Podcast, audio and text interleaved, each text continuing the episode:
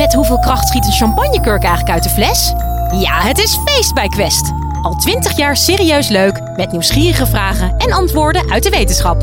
Zo maken we Nederland elke dag een stukje slimmer. Nu in de winkel en op quest.nl. Ben je hoger opgeleid en luister je stiekem heel erg graag naar Frans Bauer of Frans Duits? En zou je dat ook toegeven aan je collega's? In deze podcast vertelt socioloog Peter Achterberg van Tilburg University over zijn onderzoek naar wat we hoge en lage cultuur noemen. En hij durft daarbij zelf ook een aantal geheimen te verklappen. Dit is de Universiteit van Nederland. Ik moet bekennen, een van mijn, uh, het is toch een beetje de tijd van de guilty pleasures. En een van mijn guilty pleasures, uh, dat is uh, de Trosboot. Dat is een programma van een poosje geleden. Ik weet niet of u het kent. misschien kent u wel het Tros Muziekfeest op het Plein. Maar dat was een fantastisch televisieprogramma. Maar dan ook echt fantastisch. Ik zal altijd te genieten als ik daarnaast het kijken. Ik leg even het principe uit van de Trosboot.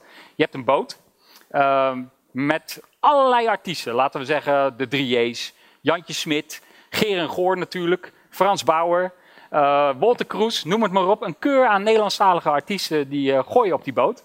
Dan vervolgens uh, doen we er een presentator of twee bij, waaronder altijd de onvermijdelijke Ron Boshart, want die heeft lekkere poep- en pieshumor.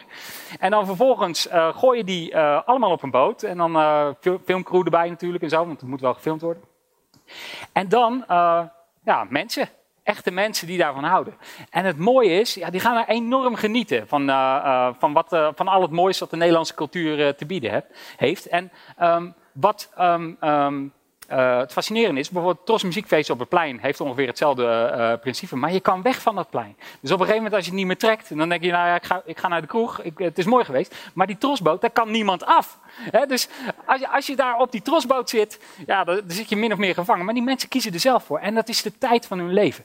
En um, um, ja, eigenlijk ik vind het gewoon een heel mooi programma. Ik kon daar echt uren naar kijken. En ik vind het eigenlijk eerlijk gezegd jammer. En dit is ook meteen een pleidooi voor de Tros. Mensen van de Tros, Trosboot, gooi het weer terug. Oké, um, een cultuursocioloog, uh, niet alleen een persoonlijke fascinatie, maar een cultuursocioloog die wil daar misschien iets mee. En um, cultuursociologen, en ik ben een cultuursocioloog, doet graag onderzoek naar allerlei vormen van cultuur. Van hoge cultuur, waarom mensen naar het museum gaan of uh, van opera houden of uh, moeilijke boeken lezen, tot lage cultuur. Nou is de eerste vraag, ja, hoe doet een cultuursocioloog dat dan? Kijkt hij alleen maar naar de televisie en is dat is dat? dat? Uiteraard niet. Kijk, wij maken gebruik van grootschalige surveys bijvoorbeeld waarin we mensen een keur aan vragen uh, voorleggen om hun voorkeuren uh, te monitoren. Hè. En, uh, niet alleen die, die, voorkeuren, maar bijvoorbeeld ook alle redenen waarom ze bepaalde muzikale uitingen zo verschrikkelijk leuk vinden. Ook kunnen wij vragen stellen, interviews doen met die mensen. Dus ik zou mezelf ook wel op een trosboot willen zetten en dan gewoon lekker, lekker meefeesten. En tegelijkertijd interviews doen, lijkt me mooi.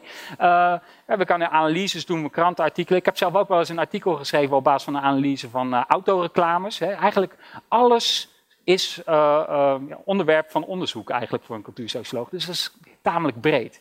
Uh, maar cultuursociologen die zijn dus in, gewoon onder, heel erg geïnteresseerd in onderzoek naar verschillende groepen in de samenleving. Um, en dan onderzoeken ze dus constant hoe zij bepaalde zien, zaken zien, wat vinden ze mooi en wat vinden ze niet mooi. Zo heb je bijvoorbeeld een bepaalde groep, uh, ja, we zitten hier een beetje in de grachtengordel natuurlijk, hè, maar uh, um, uh, dat is toch een beetje elitair vaak, wordt zo vaak gezien. En die mensen die houden bijvoorbeeld heel vaak van Harry Mulisch. En Harry Mulisch, mensen die zijn boeken lezen, dat zijn vaak mensen die wij beschouwen als een soort hoogcultureel hoogculturele groep. Hè? Mensen met veel cultureel kapitaal, zo noem ik uh, sociologen dat vaak. En die mensen, uh, die beschouwen zich, die, die nemen niet alleen die literatuur tot zich, maar die combineren dat ook vaak met andere hoogculturele muzikale uitingen, hoogculturele uh, culturele uitspattingen. Ze gaan vaker naar het museum, museum houden meer van abstracte kunst, et cetera. En niet alleen dat, maar dat hangt ook sterk samen met hoe zij zichzelf zien. Eh, deze groep mensen ziet zichzelf vaak als wereldburger, als cosmopoliet. Um, uh, denkt niet in nauwe hokjes, denkt niet als, uh, aan zichzelf als een Nederlander, maar denkt aan zichzelf als een typische wereldburger. en niet alleen dat, maar is ook verschrikkelijk tolerant. Tolerant ten aanzien van andersdenkenden, tolerant ten aanzien van allerlei mogelijke culturen, et cetera. Um, maar daartegenover staan juist mensen die houden van typisch Nederlandse culturele uitingen. Denk bijvoorbeeld aan Sineke, SBS 6, De Tros. Uh, Linda de Mol, die had er zelfs een programma over. Ik weet niet uh, of jullie nog weten hoe dat heet. Ik hou van Holland. Prachtig programma natuurlijk. De drie J's, Frans Bauer, et. En die mensen, juist die daar heel veel naar kijken, die bestempelen zichzelf heel vaak niet als uh, wereldburger. Die mensen die bestempelen zichzelf, zo blijkt ook uit dat onderzoek vaak, als ja, uh, een Nederlander, iemand met een Nederlandse nationale of ook wel regionale identiteit. En die willen die juist beschermen in plaats van ja, weggooien en zichzelf alleen maar zien als een wereldburger. En ook zie je dat die vaak dat soort denkbeelden combineren met iets intolerantere denkbeelden ten aanzien van andersdenkenden. Hè? Dus culturele uitingen, multiculturalisme en dat soort dingen vinden ze vaak wat minder interessant om te doen. En dat uiteindelijk uh, mondt dat ook uit in, uh, laten we zeggen, stemgedrag. Hè? Die, die grachtengordel-elite, en dat blijkt ook heel vaak, die grachtengordel-elite stemt overwegend op ja, GroenLinks, D66, dat soort partijen. Terwijl mensen, bijvoorbeeld denk aan Volendammers. Uh, in, Volendam is de partij nummer 1 de PVV. En uh, uh, daar zie je gewoon hoe die affiniteit een beetje is. En er is een socioloog in Utrecht, geloof ik dat hij nu werkt. Ja, hij is weer naar Nijmegen gegaan, Marcel Lubbers. en die heeft daar een onderzoek naar gedaan, ook naar die verwantschap tussen, tussen dit soort denkbeelden en culturele consumptie. En een voorkeur voor het nationale en het eigene. En stemgedrag en racisme. En daar blijkt dat ook uit, hoe dat daar een, een sterke verwantschap is voor die groep. Nou, de vraag is, zou je kunnen zeggen, of dit niet een beetje te simpel is. Dit onderscheid tussen twee groepen, hoogcultureel, laagcultureel. Uh, want uh, in de literatuur zien we heel vaak een soort opkomst van het omnivorisme. Uh, omnivorisme, ik zal even die term uitleggen, dat, dat is dat je niet alleen van Harry Mulisch houdt, maar dat je dan tegelijkertijd ook houdt van popmuziek, uh, en andere, wat, uh, wat in de regel uh, wordt gezien als laagculturele uitspattingen. dus die mensen combineren dat meer. Opera en klassieke muziek en dan tegelijkertijd ook een beetje pop en rap en noem het maar op. Hè. Dat is gewoon een soort amalgaam van muzikale voorkeuren. Dat is onderzocht door Bethany Bryson in Amerika in een artikel dat heet Anything But Heavy Metal. En wat zij onderzocht was juist dit, die die, eh, die, uh, uh, die opkomst van dat omnivorisme. En wat zij liet zien is dat er inderdaad een groep mensen is, hoger opgeleide heel vaak, die allerlei uitspattingen kunnen combineren met elkaar. En wat nog meer is, zij beweert daarbij, en ze laten daar eigenlijk ook zien, dat dat omnivorisme ook samengaat met die tolerantie. En dat is eigenlijk ook heel logisch. Hè? Dat als je heel tolerant bent ten aanzien van allerlei culturen, dan vind je het ook heel logisch om van al die culturen wat mee te nemen. Maar er is echter één maar. En dat is dat die groep mensen, die groep culturele omnivoren, een, uh, nou, laten we zeggen een pest of een tyfustering hekel hadden aan, nou, heavy metal. Precies, want heavy metal, dat was dan precies de muzikale uh, uitspatting van, uh, laten we zeggen, poor trailer trash, ja, figuren, hè, van die lager opgeleide mensen die in een camper wonen ergens aan de, aan, de, aan de rand van de stad. En die hadden gewoon maar één ding.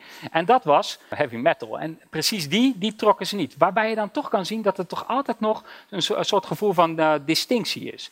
En dat, uh, dat mensen, hoger opgeleide in dit geval, ook al willen ze wel allerlei muzikale uitspattingen met elkaar combineren, uh, toch altijd nog enige afstand houden tot de lager opgeleide, tot uh, mensen met andere soortige uh, uh, culturele voorkeuren, zoals heavy metal in dit geval.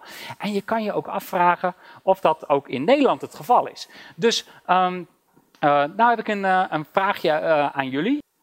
Weten jullie wie dit is? Peter Beense, inderdaad. Peter Beense, hij werkt hier om de hoek. Uh, hij, heeft, uh, hij, is de karaoke-koning van, uh, van het Rembrandtplein, laten we het zo maar even zeggen. en het is een enorme, gezellige, nou, iets te dikke, met maagbanden ingesnoerde ehm, ja, zanger des vaderlands, laten we het zo maar even zeggen. Nou, dan hebben we de volgende. Even kijken, testje, wie is dat?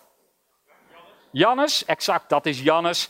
En met Jannes, dat is ook hartstikke mooi. Uh, de rest weet het uiteraard niet, maar Jannes, uh, die heeft muziek, hè, die maakt muziek en die componeert die in één keer. En dan vervolgens dan, uh, denkt hij, ja, hoe weet ik nou of het een hit is? Dan gooit hij zijn kinderen in de, op de achterbank, dan zet hij die muziek aan en als ze in één keer kunnen meelallen, dan heb je een hit te pakken. Hè? En dan hebben we de laatste, dat is, nou ja, die, die is het bekendst. Wie is het? Frans-Duits, inderdaad. En Frans-Duits, dat is eh, eigenlijk de enige, zo, zo, beschouw ik hem tenminste, de enige echte opvolger van André Hazes. Um, maar die, uh, die heeft thuis een heel mooi, uh, machtig mooi uh, sloopbedrijf. En die, dat houdt hij allemaal nog draaiende, zolang die muzikale carrière niet al te veel oplevert. Nou goed, um, die lager opgeleide, en dit zijn precies typisch uitspattingen waarvan je kan zeggen, en waar, waarvan ook blijkt uit veel onderzoek, dat dat uh, ja, muzikale voorkeuren, dat lager opgeleide hier met name ook een muzikale voorkeur heeft. En dat u met z'n allen niet heel goed weet uh, wie die mensen allemaal zijn. Bij de laatste kwamen er wel redelijk uit, maar bij de eerste twee niet. Toont aan dat u daar toch niet zoveel mee heeft. En uh, dat hoger opgeleide, grachtengordel mensen, laten we het zo u maar even samenvatten, uh, toch een beetje een hekel hebben en afstand willen houden van dit soort culturele uitingen. En um, dat wilde ik eigenlijk eens verder onderzoeken, want dat vind ik interessant. Over hoe dat hoger opgeleide toch eigenlijk ja, soms tolerant zijn, en waarvan heel veel mensen denken dat ze tolerant zijn, maar dan toch heel afwijzend zijn tegen sommige specifieke culturele uitingen. Wat ik, wat ik dan toch vreemd vind als je heel tolerant bent. Waarom zou je dan niet de cultuur van lager opgeleide ook omarmen? Um, nou had ik een studenten uh, uh, die wilde een scriptie schrijven. En die uh, studenten, die, die heb ik maar eens, die was heel netjes, echt super netjes. En um, um, die heb ik dan toch maar eens op wat hoger opgeleide afgestuurd. En gewoon eens gevraagd van, joh, luister eens, wat vind je eigenlijk van lager opgeleide? Nou, als je dat vraagt, hè, als je aan een hoger opgeleide zegt, wat vind je van lager opgeleide, krijg je een politiek correct antwoord. Want dan hebben we gewoon, ja, luister, um, dat zijn natuurlijk prima mensen, mogen er ook wezen, et cetera. Dus wat heeft zij gedaan? Zij heeft gedaan, ze, ze, is begonnen met te praten over politiek. Hè, en gewoon zeggen, wat vindt u nou en uh, wat vindt u allemaal niet? En vervolgens heeft zij gevraagd, constant, van nou, u, u, bent heel erg voor, voor de D66 of GroenLinks. Maar er zijn ook mensen die stemmen op de PVV. Wat vindt u daar eigenlijk van? En dus via een indirecte manier heeft ze eigenlijk constant gevraagd om, om een ideologische tegenhangers. En ook, wat vindt u van multiculturalisme? En zegt, zodra ze heel positief antwoord gaven, hebben we gewoon ook gevraagd, van, ja, wat vindt u dan van van mensen die dat dan niet vinden. En, uh, en vervolgens zijn we overgegaan op huwelijksgedrag. Want we weten uit onderzoek, blijkt dat hoger opgeleiden veel samengaan met hoger opgeleiden. En lager opgeleiden veel samengaan met lager opgeleiden. En dat effect alleen maar toeneemt. En als je dan vraagt aan mensen, stel nou, u heeft een dochter, maar die komt thuis met een lager opgeleide, wat vindt u daarvan? En uiteindelijk hebben we eens gevraagd, van, wat vindt u nou eigenlijk van lager opgeleide? Nou, ik kan u één ding vertellen, als u die scriptie te pakken krijgt, en hij is wel in de online uh, repositories uh, te vinden, daar staat een hoop uh, nou, scheldpartijen in, allemaal van hoger opgeleide, over lager opgeleide. En dat toont eigenlijk aan dat, dat dat proces van distinctie, dat proces van het steeds maar onderscheid willen maken tussen hoger en lager opgeleide, dat dat nog steeds gaande is in Nederland. Hè? Dus dat heeft dan wel een andere vorm. Hè? Dat gaat dan niet over heavy metal. Heel vaak gaat het over Frans Bauer. En ehm, uh, over uh, Frans-Duits en uh, noem het maar op, Jannes. Um, en heel vaak zijn die denkbeelden heel erg streng.